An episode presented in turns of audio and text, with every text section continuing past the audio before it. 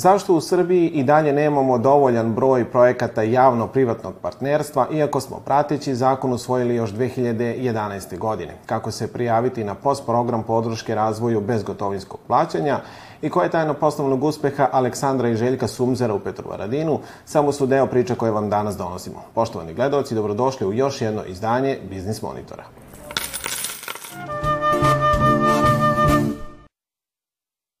Svakim danom sve manje proizvoda možemo da kupimo za jednu crvenu. Bojan Stanić iz Privredne komore Srbije kaže za RTS da u periodu od oktobra pa posle nove godine imamo realan pad plata, da su najsiromašniji relativno i najveći kupci proizvoda čije su cene najviše porasle. Kako kaže, poskupljenja ćemo najviše osetiti kada se završe letnji odmori, počne školska godina i nova grejna sezona. Dobra vest, ističe Stanić, je to što ćemo imati očuvanu makroekonomsku stabilnost, što je značajno za investitore i zaposlenost. Inflacija u Srbiji je u najvećoj meri vođena globalnim troškovnim pritiscima, kažu u Narodnoj banci Srbije i navode da to potvrđuju podaci da je konstantno između 67 i 70 odsto međugodišnje inflacije u našoj zemlji u 2022. i od početka godine bilo posledica rasta cena hrane i energenata. Izvršni odbor Narodne banke, kako se navodi, povećao referentnu kamatnu stopu kako bi se sprečilo da se rast cena hrane i energije ne prelije u većoj meri na vrednost drugih proizvoda i usluga. Proteklu radnu nedelju na produktnoj berzi u Novom Sadu obeležio je pad količinskog i finansijskog prometa u odnosu na sedmicu pre, dok su najvažniji primarni poljoprivredni proizvodi uglavnom izgubili na vrednosti. Prethodnu nedelju na produktnoj berzi obeležile su prve tražnje za novim rodom pšenice ječma, kao i objava Republičke direkcije za robne rezerve o kupovini do 50.000 tona merkantilne pšenice roda 2022. godine. E, tokom prethodne nedelje najveću aktivnost beleži tržišta kukuruza, kako po pitanju trgovine, tako i po pitanju ponude i tražnje. Prometovano je i sojom, pšenicom i ječmom, međutim u znatno manjim količinama. Nivo prometa niži u odnosu na prethodnu nedelju, a cena na poljoprivrednom tržištu nastavlja i dalje pad kada su u pitanju svi primarni poljoprivredni proizvodi. Kada je reč o svetskim berzama, najvažnija informacija je to da su na Čikaškoj berzi pojeftinili svi najvažniji primarni poljoprivredni proizvodi. Na kraju protekle poslovne sedmice na Beogradskoj berzi ostvaren je promet od oko 9 miliona dinara, dok su berzanski indeksi zabeležili pad. Kraj protekle berzanske nedelje u svetu, američka laka i severnomorska nafta dočekale su sa padom vrednosti.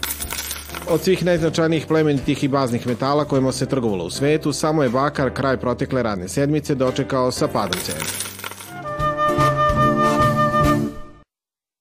Što se preduzetnika tiče, oni koji imaju obavezu da predaju poreske prijeve, to se radi o obrascima PPDG1S i PB2, normalno bi bilo da se ti obrasi predaju do 15. aprila, međutim ove godine zbog Uskrsa i zbog toga što je 15. subota, odnosno neradni dan, pomera se praktično na 18.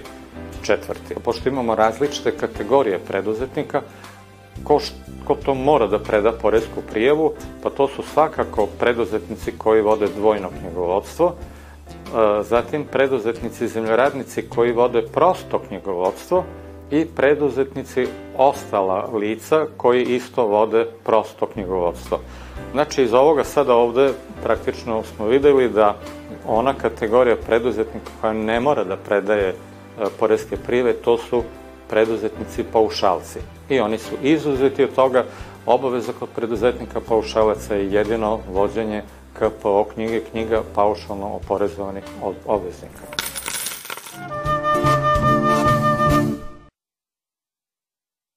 Iako su nam infrastrukturne i komunalne potrebe ogromne, naročito na lokalnom nivou, zajedničkih investicionih projekata države i privatnih ulagača u praksi gotovo da nemamo, uprkos tome što je zakon o javno-privatnom partnerstvu stupio na snagu još 2011. godine. Dakle, pravni okvir imamo duže od jedne decenije. Do tad su bili pokušaj individualni, znači sa predsednicima opština, sa, u pojedinim segmentima, sa određenim ministarstvima, što nije bilo baš najbolje rešenje, jer uvek kad imate pojedinačne pokušaje, oni imaju različite tumačenja i različite efekte, a kad imate zakon koji je jasan za sve i koji bi svi trebali da, da sprovode i da primenjuju, onda je lakša primena toga.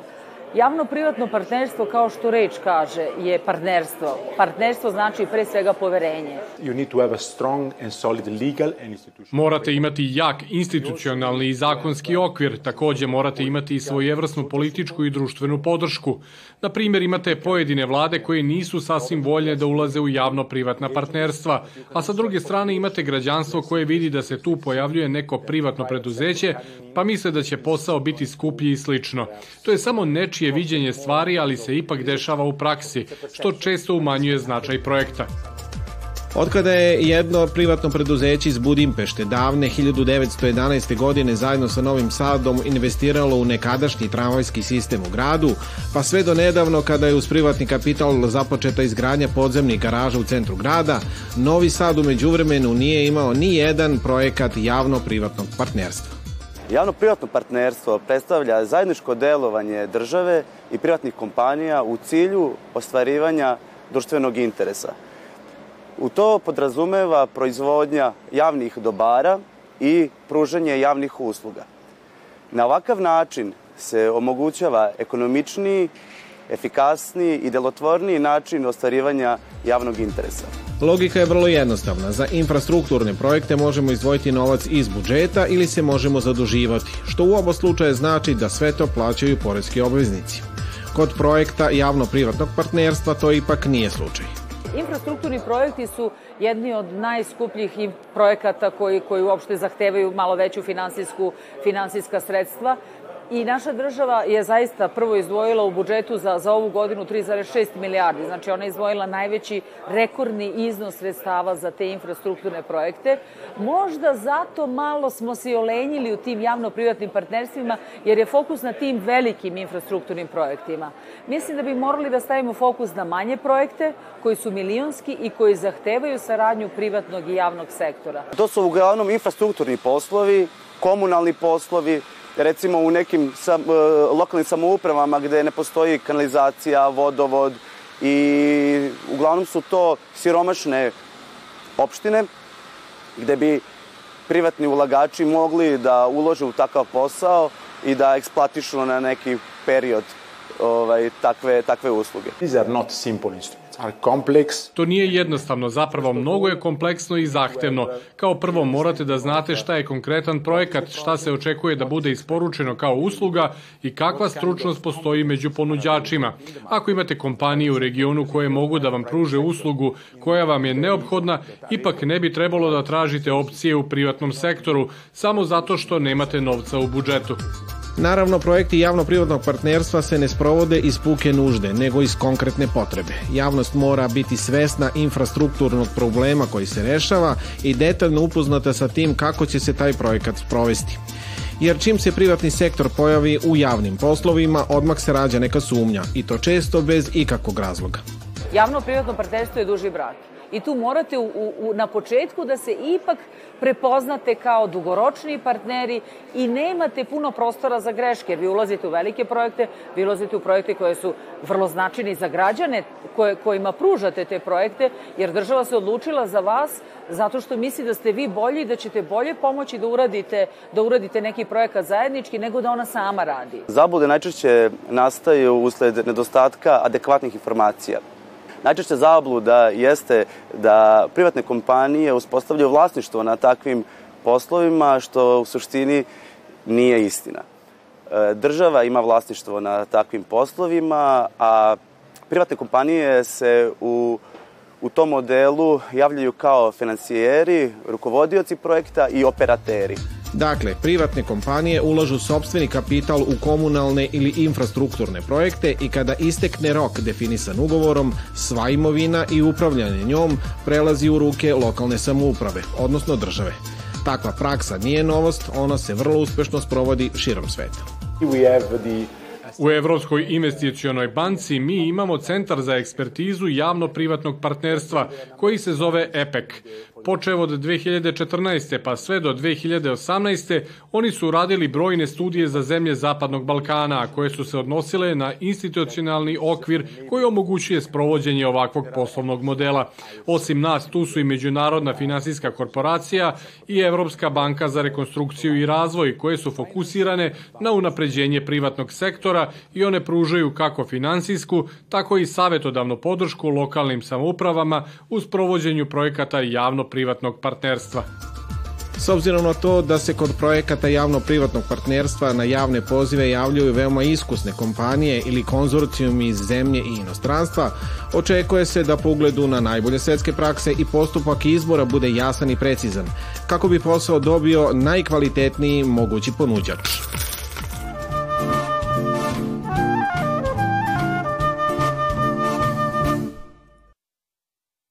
15. marta startovao je takozvani POS program koji predstavlja dobar oblik podrške preduzetnicima mikro i malim preduzećima koje žele svojim kupcima da ponude bezgotovinsko plaćanje. Svi zainteresovani privrednici mogu godinu dana besplatno dobiti na korišćenje najviše tri POS terminala za plaćanje karticama ili softvera za online trgovinu. Uslovi su uh, više nego dobri, dakle, pre svega, kao što sam rekao, besplatan je, besplatna instalacija uh, terminala ili, ili tog softverskog rešenja, a drugo, trgovačka naknada može biti maksimalno 0,99%, može biti i niža ako uh, banke koje učestvuju u ovom programu ponude takve uslove. Dakle, to je negde 2, 3 do 4 puta niže nego što je sada situacija na tržištu.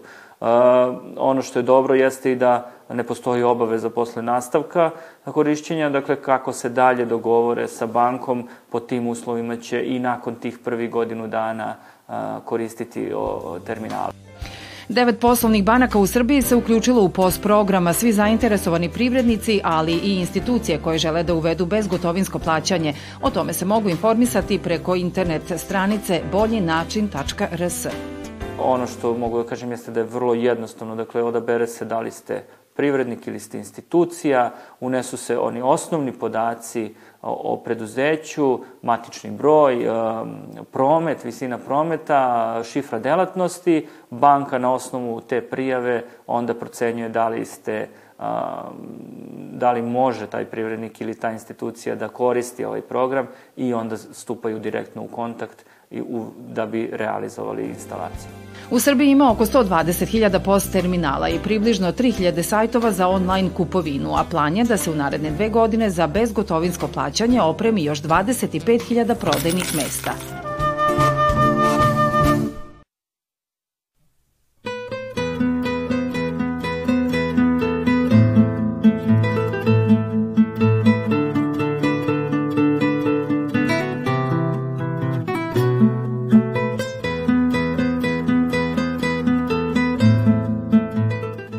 Aleksandar Sumzer je, kako bi se to reklo, srećan čovek. Gotovo ceo svoj radni vek proveo je kao sam svoj gazda u firmi AS instalacije u Petroradinu i dočekao da njegov posao preuzme i nadogradi njegov sin Željko, koji je umeđu vremenu postao mašinski inženjer i stekao sve moguće sertifikate. A od Željka danas prepisujemo recept kako uspeti u Srbiji firma se instalacija s prvenstveno bavi grejanjem, ovaj, radimo sisteme gasnih instalacija, eh, vodovod, odnosno pripremu tople potrošne vode i radimo sisteme hlađenja. Ovaj, firma broji 10 zaposlenih. Eh, značajna stvar je da imamo licence iz oblasti ovaj, termotehničkih instalacija i projektansku izvođačku. E, I radimo sve od projektovanja, nabavke opreme, izvođenja radova, servisa, i to ljudi cene, tu obuhvatnost preduzeća. Prostor možda da bi mogli da se razvijemo je e, neka naprednija priprema vazduha, znači klimatizacija u ovom pravom smislu, klima komore. Mahom radimo stambene objekte, znači fizička lica, mada imamo i, i ljudi koji su jel, pravna lica ili preduzetnici, jel, koji i nešto investiraju unutar svojih objekata, pa to i, i izvodimo nove instalacije i održavamo postojeće. A začetnika ovog biznisa pitamo kako je sve uopšte počelo i kako se to u stvari stiže od same ideje pa do ovakve firme na dobrom glasu i u drugoj generaciji. Prvo grejanje sam počeo raditi 75. I onda sam radio čisto onako iz hobija, što bi rekli. uz čitanje knjiga i toga malo se informisao i 97. sam otvorio prvu firmu. Onda je baš bila i kriza i bilo sve i onda je to bilo mnogo realnije nego da radim u državnoj firmi. Ne, mislim, svaka firma, pa i, i ova i bilo koja druga, ima svojih prekratnica. Znači, tu je već na početku bilo prekratnica da li zatvoriti ili raditi. Nema zatvoriti.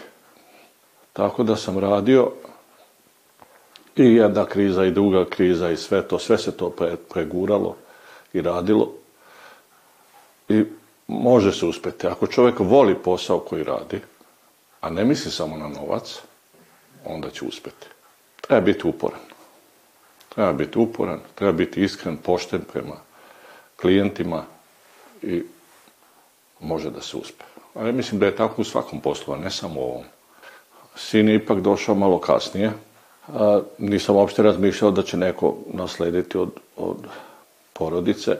Međutim, kako je on stasao, vidilo se da sve više i više da ima ambicije i da bi mogao. Nisam ga pretjerano naterao da to radi, nego pustio da, da on odluči i mislim da je pravu stvar uradio. Kakav to čovek, gledajući iz vašeg iskustva, treba da bude pravi preduzetnik? Neko kaže treba da ima ideju, neko kaže treba da bude uporan, marljiv, da ima sreću, da bude hrabar. Kako je bilo u vašem slučaju? Preduzetnik treba da ima ovaj jedan deo voljni, onaj srčani, ovaj, volju, odnosno da neki ostvari neki poslovni cilj, da se bori za to, a onaj srčani deo je ovaj, da ipak žudi za nekom zaradom ili ugledom u smislu da ga ceni ovaj, klijent, saradnik ili ovaj, uopšte društvo jel, što, što, što samostalno obavlja neku delatnost. Eto, to je.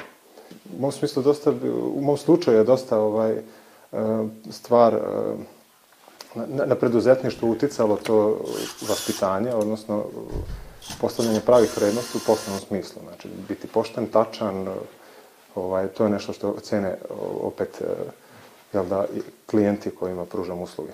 Pitamo Željka Sumzera kakav je osjećaj biti druga generacija u jednoj uspešnoj porodičnoj firmi.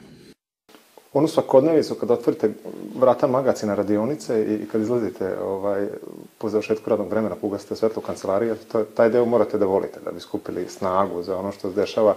Oni pozitivne i negativne momente, oni su stresni, to je nešto što je sasvim deo preduzetništva, pa stalno skupljate uh, hrabrost da prebrudite taj, onaj realan strah da, da vi možete ne uspeti svakog dana, jel? Sve burno, ovaj, velik promet i, i sredstava i nekih očekivanja ljudi od vas. Kojih se načela i principa držite u svom poslu svakog dana. I iz toga ćemo zaključiti e, koji je to recept za poslovni uspeh. Vi svo vreme morate ovaj, i, i neke negativne stvari ili kao neuspehe da shvatite ovaj, kao jednu obuku, a više manje skupu, sve stvar od vas, koliko ste ovaj, možda nepedantnom poslu, koliko dajete vremena nečem drugom, pa vas sadesi nelagoda, ali vi to morate da odmerite i da izvučete pravu, pravu stvar iz toga, odnosno neki zaključak i to vas gura napred, vi onda sve više odbacujete te uh, promašaje, idete put napred. Eto, to, to je postupak sazrevanja i sad kad gledate jednog mladog preduzetnika, ovaj, ono ilazi na mnošto takih stvari i nemoguće da, da ih uh, zaobiđe ili da nauči da se adaptira na njih tako brzo. E, to, je, to je proces. Otac je mnogo puta govorio opet baš na tu stranu, nemoj se uplašiti prvog ove, prve nezgode, prvog nenaplaćenog posla, prvih nekih možda šteta na gradilištu koja se dogodila. To je sastavni deo posla i treba ih prevazići i, i to je veličina preduzetnika da on uh, uspe da se ovaj, da prebrodi takve momente i psihički i, i možda i materijalno da je spreman na tako nešto. Šta je u vašem poslu najteže, a šta opet najlepše? Teški momenti u poslu su prevazići taj strah od neuspeha. To je nešto, da ne vratim osam momenta, di, di gubim zdravlje, ja se bojim za posao. E, to je, e, taj deo čovjek mora opet kroz neko znanje, iskustvo koje je nakupio, da bude svestan da će sve možda proći u redu ili da to nije tako velika stvar kao što se u momentu čini. Nekad mi se učini da će recimo kraj godine, kad mi napravimo neki bilans stanja uspeha, pa se sada oduševimo tim, tim ciframa, ovaj zapravo tu uh, suše te energije potroši. Tako da uh, najlepši su momenti svakodnevica bukvalno jedan, jedan miran dan u kojem se ovaj preduzetništvo odbilo bez tih ovaj velikih pluseva i minusa. Ja za čovjek naiđe možda na firmu koja ima sredstva, ima neke zaposlene, ima svoje klijente, tržište, a ovaj, ja sad, to su one dobre stvari, a loše stvari što, što mislim, loše. A, klijenti od vas traže prototip a, prethodne generacije koja je i tekako bila u, u poslu i znala svoj zanat i onda se vi nađete pred velikim očekivanjima, to je jedan pritisak, drugi pritisak teško ispoljite sebe, jer oni vas ograničavaju s onim kako je to možda otac radio, a ovaj, ali posle nešto vremena se dese i novi klijenti i, i vi postajete prototip toga, tog preduzetništva i eto, to je moment da se, da se ostvarite, da se osetite ponosni na, na, na svoj rad kroz nešto vremena. Kako je to biti preduzetnik u Srbiji danas? Šta je to što vam je lepo, što ste sam svoj gazda, a što vam najviše smeta? biti sam svoj gazda, jel da znači neku organizaciju vremena, preuzeti odgovornost, pa ovaj, nekako brže skupljati iskustvo, odnosno vrati se povratne informacije svake odluke. Eto, to, to je lepo, a s druge strane nije te, teško izboriti se, ovaj, treba stvoriti određenu bil prihod preduzeću, platiti te ljude i, i to treba bude održivo i tokom cele godine, da bi se zadržao kvalitetan kadar i, ovaj, i to stvara stalno neki, neku, neki naboj, čovjek mora biti spreman na to, a ovaj, e, posledično je da, da imamo problem da održimo jel, ravnotežu među privatnog i poslovnog. E, teško se e, odvoji na kvalitetan način vreme i za posao, prijatelji i za sebe samog. I na kraju Biznis Monitora mi uvek pitamo šta je za vas poslovni uspeh, a šta lična sreća. Poslovni uspeh se do kraja svede na ličnu sreću posebno kod preduzetnika, jer ovaj, ako se u tom smislu ostvarite zapravo čemu sve prethodno, ovaj, vi žudite ovaj, da se vi stvorite uslove za život, ali jel to znači, to znači onaj privatan moment gdje ste vi se posvetili i sebi i, i porodici. Toliko za ovaj put. U narednoj emisiji razgovaramo sa direktorkom Centra za promociju nauke Marijanom Grbić, a recept za poslovni uspeh prepisujemo od Darka Panića u Višnjićevu. Vidimo se za nedelju dana u isto vreme na istom mestu. Doviđenja.